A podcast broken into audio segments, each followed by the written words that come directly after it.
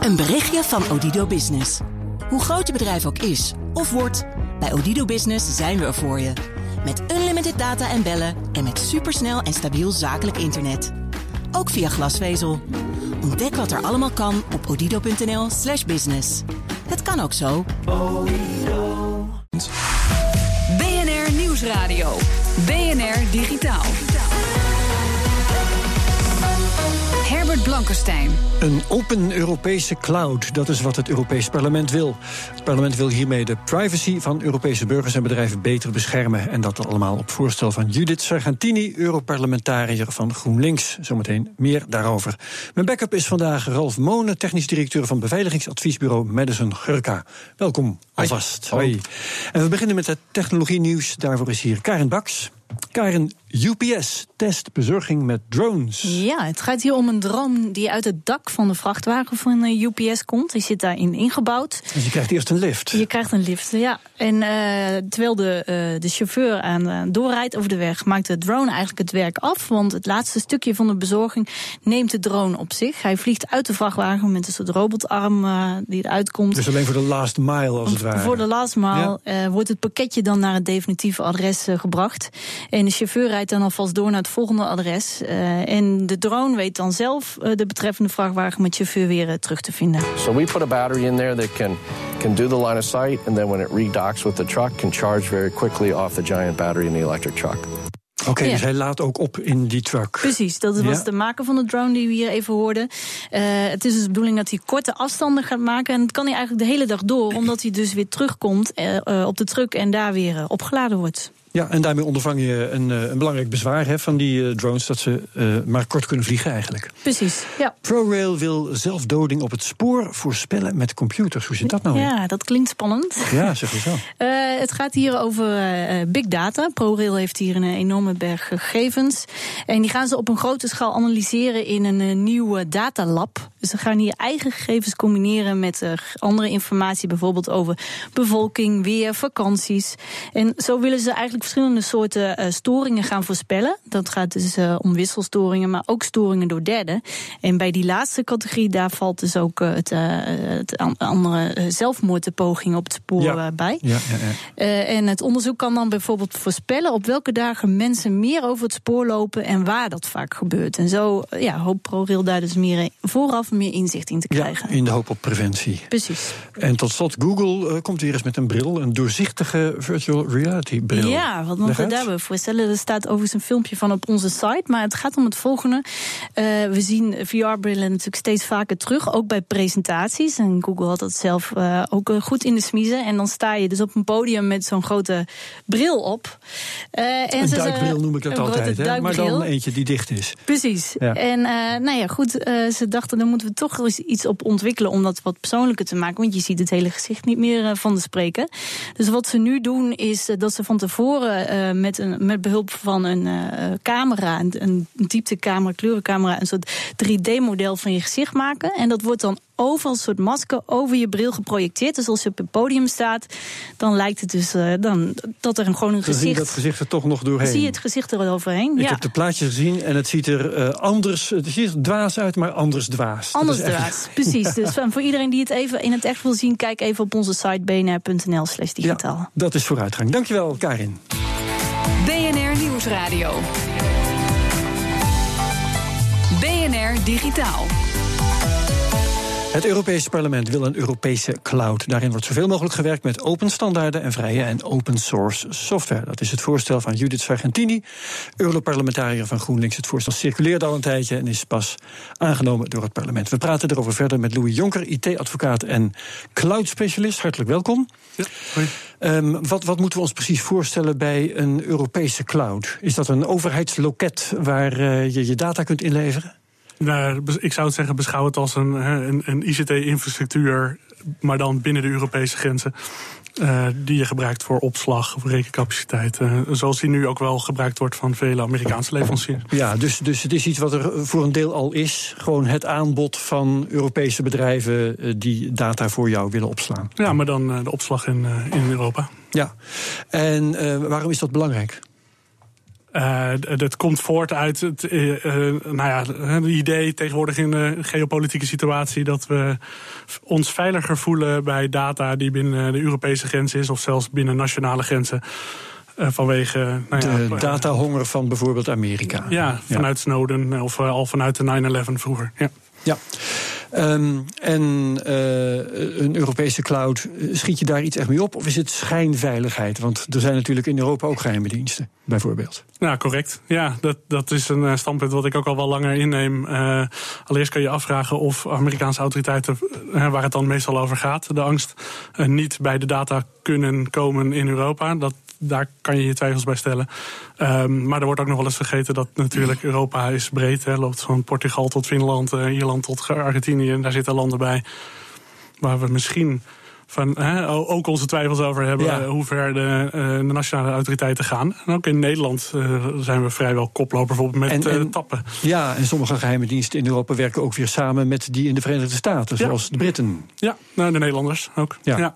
Dus, dus zou jij bedrijven aanraden om uh, uh, hun data in Europa te stallen, want dat is veiliger? Of zeg je het maakt allemaal niks uit? Nou, dat, dat kan wel een advies zijn. Op zich, um, kijk, wat het voordeel daarvan is, is dat je, als je dat gedaan hebt, dat je natuurlijk ook aan je klanten weer een bepaald vertrouwensgevoel kan geven. Ook al is dat misschien schijnveiligheid of schijnvertrouwen. Het is in elk geval daardoor het commercieel, uh, ja, ik zou okay, het wel kunnen aanraden. Ja. Dat kan ook een argument zijn, maar het argument is dan dus niet uh, dat het veiliger is, maar dat het veiliger lijkt.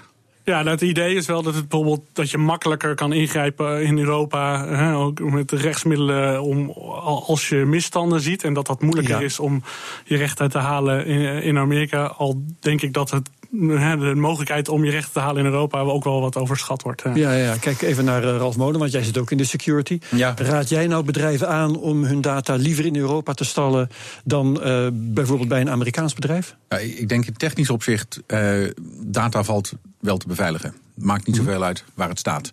Als je het versleutelt, hè, encryptie toepast en uh, toegangsbeveiliging zo inricht dat, uh, uh, ja, dat niet iedereen er zomaar bij kan, dan hou je nog een stukje fysiek over. Hè, dus die, die data die staat fysiek ergens. En ja, voor dat aspect werkt natuurlijk encryptie ook. Want als iemand die harde schijven meeneemt, dan, dan kunnen zeg je daar daarmee eigenlijk mee. dat Sargentini en het Europarlement de plank misslaan door de nadruk te leggen op het moet in Europa staan? Um, nou, ik zie de noodzaak daar zelf niet zo van in. Behalve dan dat we natuurlijk wel te maken hebben met een aantal Europese wetten die daarover dingen zeggen. En de interpretatie van die wetten is vaak het argument voor om te zeggen: laat het dan maar in Europa zitten. Ja, uh, welke wetten bedoel je dan? De aankomende GDPR. Dus de nieuwe privacywetgeving die dan uh, vanaf volgend jaar uh, in Europa uh, gaat gelden. En ook dus in Nederland, hè, maar dan onder de naam de AVG. Algemene Verordening Gegevensbescherming, als ik me niet vergis. Maar dat ja. weet, weet jij beter. Hij klikt, ja. ja, ja. Dus, dus dat wordt vaak als argument gebruikt om, om, om het spul hier in Europa te willen opslaan. En daar kan ik wel natuurlijk voor een NT meekomen. Al moet ik ook zeggen dat, dat in technisch opzicht wel wat op die juridische dingen weer wat afvalt af te dingen. Ja. Dus ja, ja en, en, mensen vergeten ook heel vaak trouwens dat, dat het, het gaat niet alleen om hardware of, of, of om software en waar die data staat. Dat spul staat, die gegevens staat op hardware. En dat spul wordt vaak weer in China gemaakt of andere landen. Daar kunnen ook achterdeurtjes in zitten. Dus uh, denk echt niet dat het nu plotseling veilig is omdat het in Europa staat. Ja, dus jij zweert bij encryptie als het gaat om beveiligen. Ja, je moet de gegevens bescheiden, beveiligen. Ja. middel. Ja. Oké. Okay. Um, toch uh, wordt dus gepleit, ik kijk weer naar uh, Louis Jonker, de, voor de Europese cloud-infrastructuur. Um, de, het Europarlement zegt ze moeten, moet, die Europese cloud-infrastructuur moet ontwikkeld worden. Is dat inderdaad iets wat nog ontwikkeld moet worden? Want we waren het er net eigenlijk al over eens dat er al het nodige van paraat is. Ja, ik weet niet precies wat de status is van de Europese cloud op dit moment. Het initiatief loopt al een paar jaar. Um, maar we hebben op zich in Europa vrij veel goede infrastructuur. We hebben een paar of enkele goede supercomputers. We hebben een goede breedbandverbindingen in heel Europa. Um, we hebben veel goede datacenters in Europa. Overigens niet alleen van Europese spelers, maar ook van Amerikaanse spelers. Um, ja. Uh, dus er ligt denk ik ook al wel veel. Maar ik heb geen idee wat ze nog precies willen aanpassen. Dus het kan zijn dat er nog verder aan gebouwd moet worden. Ja. ja. Um, verder pleit uh, GroenLinks in het bijzonder en het Europarlement in het algemeen voor uh, het gebruik van open source software en, en open standaarden. Dat is niet voor het eerst, want er was al vroeg in deze eeuw was er in Nederland in ieder geval de motie Vendrik die ervoor pleitte dat de Nederlandse overheid uh, dat ook allemaal ging gebruiken. Is eigenlijk weinig van terecht gekomen. Is de situatie nu anders of gaat dit ook weer een, uh, een, een uh, oproep zijn die geen effect heeft? Nou ja, de, de roep om open source, open standaarden. Ik denk vooral de nadruk op, op het laatste deel, de open standaarden, die is inderdaad al vrij oud en die, die loopt al enige tijd. Ik denk zeker wel dat bij inkoop van toepassingen, zeker ook van overheidswegen, er wel naar wordt gekeken. Maar uh, er veel ook al andere belangen zijn om, om bijvoorbeeld voor een andere oplossing te kiezen. Wat voor belangen zijn dat dan? Nou, uh, bijvoorbeeld om, om, als je al heel erg gewend bent aan een, aan een Microsoft-architectuur in je hele, al je processen uh, binnen een overheid of een instelling of, of een, een, onderneming, dan is het niet altijd even eenvoudig om dat te verlaten en, en dat allemaal te vervangen ja. voor open standaarden. Gewoon door het aspect gewoontevorming. Ja. Dat is, dat is dan de hoofdzaak. Niet ja, dat, het, dat uh, de Microsoft-producten per se beter zijn dan die open source producten, maar uh, men is eraan gewend. Dat is de hoofdzaak, waardoor het moeilijk de, is om. Ja, en de transitie vaak uh, lastiger blijkt en tijdrovender en, en dus ook kostbaar dan, dan je zo zou zeggen. Ja, ja, ja. ja. Um, Judith Sargentini stelt trouwens ook dat. Um, het gebruik van zo'n Europese cloud dat dat goedkoper kan zijn. Is dat een bekend verhaal? Ik heb geen idee waar, ze, waar zij dat uh, vandaan heeft. Dat zou heel goed kunnen. Misschien heeft ze een hele goede business case. Uh, Misschien dat die data niet zo ver hoeven. Ik weet het ook niet hoor. Dat, uh, Ralf, kun jij daar nee, chocola van maken? Nee, nee, daar kan ik geen chocola van maken. Ik, ik, ik betwijfel zelfs of dat, of dat zo zou kunnen zijn. Kijk, natuurlijk is het argument wel eens bij open source en open standaarden dat het dan goedkoper wordt. Omdat ehm, de, de software dan gratis zou zijn. Maar in de total cost of ownership, daar zitten wel wat voordelen aan, maar zoveel scheelt het ook weer niet. Ja, oké. Okay, dus uh, we komen erop uit dat uh, de Europese cloud gebruiken in ieder geval uh, veiliger lijkt. Hè? En dat is de bijdrage van Louis Jonker. En de encryptie is een middel dat in ieder geval de zaken veiliger kan maken. Dat is de bijdrage van Ralf Monen. Louis Jonker, IT-advocaat en cloud-specialist. Hartelijk dank. Een pop die gehackt kan worden, moet uit de markt gehaald worden. Dat vinden de Duitse autoriteiten. En straks meer daarover. Nieuwsradio. BNR Digitaal. Duitse autoriteiten waarschuwen ouders om de interactieve pop Kela te vernietigen. Deze pop, die in verbinding staat met internet, is eigenlijk evil. Ze bespiedt namelijk de kinderen. Je hoort hierover redacteur Karin Baks. Hi, what have you been up to? Dit is Kela. Last week I went to my friend's birthday party. She had a clown there. He was really funny. Do you think clowns are funny? Nou, eigenlijk niet zo, Kela. Maar om even terug te gaan naar het verhaal. Deze interactieve pop, die dus met kinderen kan praten als ze ermee spelen, lijkt op het eerste oog heel onschuldig. Maar ondertussen. Hey, calm down, or I will kick the shit out of you. Dat was de gehackte versie van Kela. Ze maakt gebruik van het internet om vragen van kinderen te beantwoorden. En daarin schuilt ook het gevaar. Met wat kleine aanpassingen in de commentaren komt er in één keer een hele andere kant van Kela bovendrijven. I'm in charge now. You might think I am just a sweet toy, but now I have been hacked, I can say all sorts of scary things. Dit is volgens de hacker van de pop allemaal mogelijk, omdat je geen pincode hoeft in te toetsen als eigenaar van de pop. Iedereen kan er dus mee aan de slag. En nu? Make sure that Kayla's turned off when you're not using it uitzetten, die pop dus, als er niet mee gespeeld wordt. Second, make sure the mobile phone or tablet you're using is kept secure, nice pin on it, and kept up to date with updates. En versleutelen die pop, is het advies van de hacker. De netwerkwaakhond in Duitsland, de Bundesnetzagentur, gaat nog een stapje verder en waarschuwen ouders nu om deze pop te vernietigen. De technologie achter deze pop kan namelijk ook persoonlijke data onthullen. En het advies van Kela zelf? Be careful, parents. Who knows what I might say next? Ja, wie weet wat ik straks nog ga zeggen. De fabrikant van de pop laat in een reactie aan de BBC weten dat dit een incidenteel geval is, uitgevoerd door een team van zeer gespecialiseerde hackers. Dat krijg je als je op je gezicht gaat, hè, dan verklaar je je tegenstander tot een zeer begaafde tegenstander. Maar ze nemen het wel mee in een nieuwe update van de pop. Dat dan weer wel. Het hele filmpje van de interactieve Kela kun je vinden op bnr.nl/slash digitaal. BNR Campagne. Over precies drie weken mogen we weer stemmen voor de Tweede Kamer. En wij besteden aandacht aan welke plannen de verschillende politieke partijen hebben als het gaat om technologie en het digitale.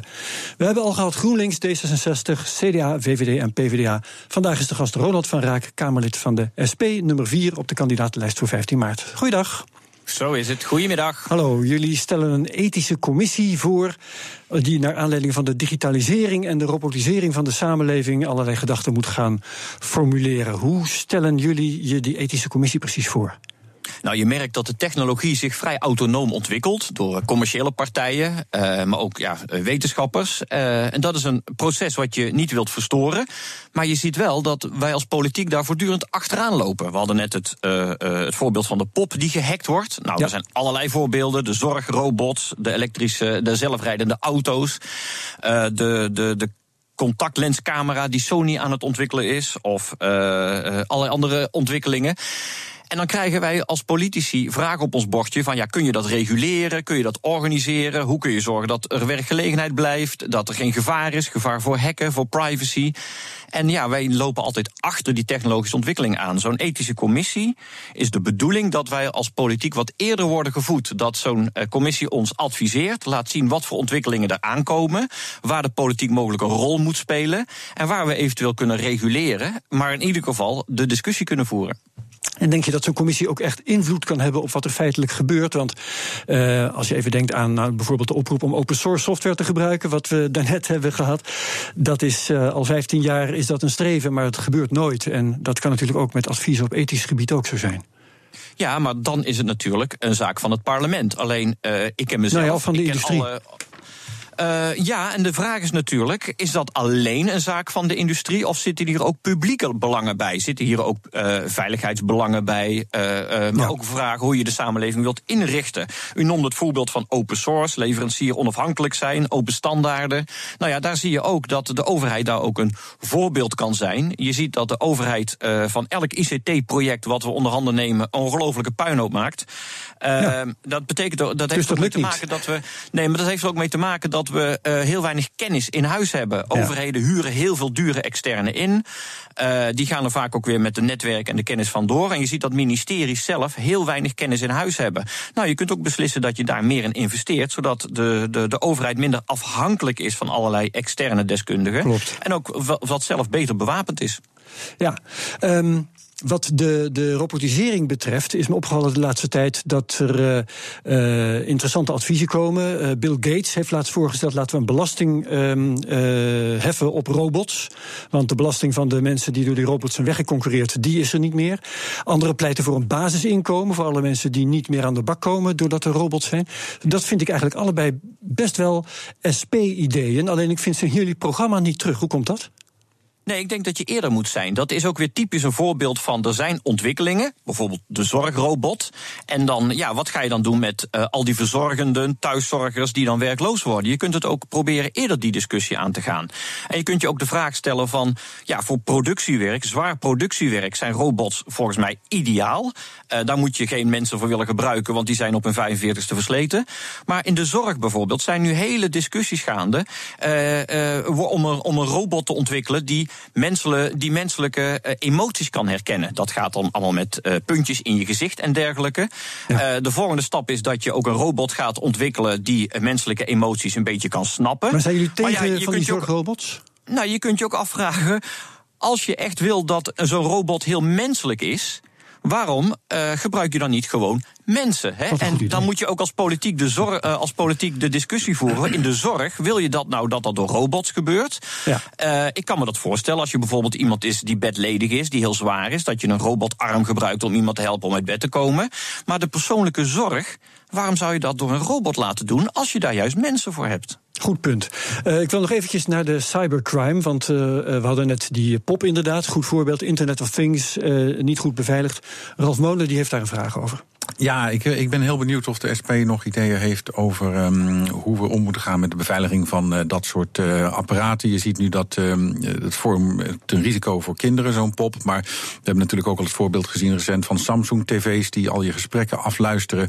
Auto's die gehackt kunnen worden.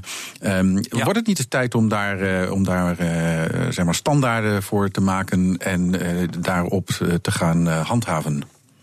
Ja, dat vind ik. Dat is heel belangrijk. Maar je ziet in de Tweede Kamer het tegenovergestelde gebeuren. We hebben hier een hekwet behandeld voor de politie. We hebben een wet op, op de inlichting en veiligheidsdienst behandeld. En daar zie je dat politie, geheime diensten, juist gebruik moeten gaan maken van zwakheden in het systeem. En ook uh, aan encryptie moeten gaan doen. Juist berichten moeten gaan ontsleutelen. Ja, en als je dat bijvoorbeeld bij WhatsApp dus, doet. Ja. Decryptie, ja, als je dat bijvoorbeeld bij WhatsApp gaat doen, ja, dat is levensgevaarlijk. Dus ik vind juist dat de overheid tot taak heeft om mensen bewust te maken. Bedrijven en burgers moeten zich kunnen verdedigen. Die moeten dus informatie goed versleutelen en goed beveiligen. Maar je ziet in de Tweede Kamer het tegenovergestelde gebeuren: dat vooral politie en geheime diensten op zoek zijn naar manieren om door die versleuteling heen te komen. En daarmee systemen ook kwetsbaar te maken. Maar als het gaat om al die apparaten die over de markt worden uitgestort en die vaak slecht beveiligd zijn en ook vaak slecht beveiligbaar zijn. Er zijn al geluiden, ik geloof dat ze onder andere uit Duitsland kwamen, om voor te schrijven dat die uh, apparaten, al die Internet of Things gadgets, um, dat die goed beveiligbaar zijn. Zijn jullie daar ook voor? Absoluut, absoluut. Alleen op dit moment is dat wel een, een wedstrijd. Uh, omdat ja, uh, uh, dingen beveiligen betekent ook weer dat je ze kunt hacken. en er is een nee, soort. Beveiligen is toch onmogelijk maken van hacken?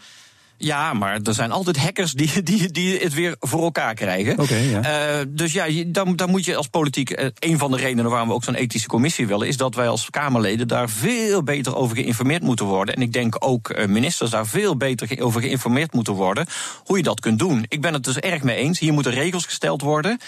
Uh, maar dat, dat, dan is het niet voldoende om hier in de Tweede Kamer een motie aan te nemen of een wet aan te nemen. Dan zul je ook in gesprek moeten met grote producenten en daar ook gewoon hele goede afspraken over moeten maken. Ja, hier is nog iets wat mij opviel aan jullie programma. Jullie uh, zeggen de AIVD mag geen sleepnet krijgen om zoveel mogelijk gegevens van zoveel mogelijk mensen binnen te halen. Nou hebben ze dat net van de Tweede Kamer gekregen, behalve dat het nog ja. in de Eerste Kamer aangenomen moet worden. Is dat een uh, ongelukkige samenloop van omstandigheden dat het toch in jullie verkiezingsprogramma staat? Nee, want je zegt terecht, uh, wij zijn over voorbaas over eigen data. Wat er nu gebeurt met die sleepnet is uh, dat onder de mom van terrorismebestrijding uh, er een systeem is gecreëerd waarop, waarmee onze geheime diensten op een NSE-achtige manier gaan werken. Dat heeft, heeft heel weinig zin om terrorisme te bestrijden, maar is wel heel slecht voor de veiligheid en privacy van mensen. U zegt terecht, die wet is nog niet door de Eerste Kamer. ik moet zeggen dat in de Tweede Kamer de behandeling mij ergens tegengevallen. het niveau van die discussie was erg laag. Het moest ook in één dag worden afgeraffeld.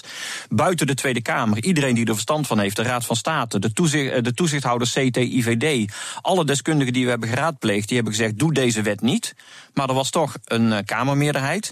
Ik heb er nog wel goed vertrouwen in dat de dames en heren senatoren hun werk een stuk beter gaan doen uh, dan, uh, dan in de Tweede Kamer is gebeurd. Oké, okay, vraag nog even bevestiging aan Ralf Monen. Heeft um, Ronald Verraak gelijk dat dat sleepnet een slecht idee is voor de veiligheid?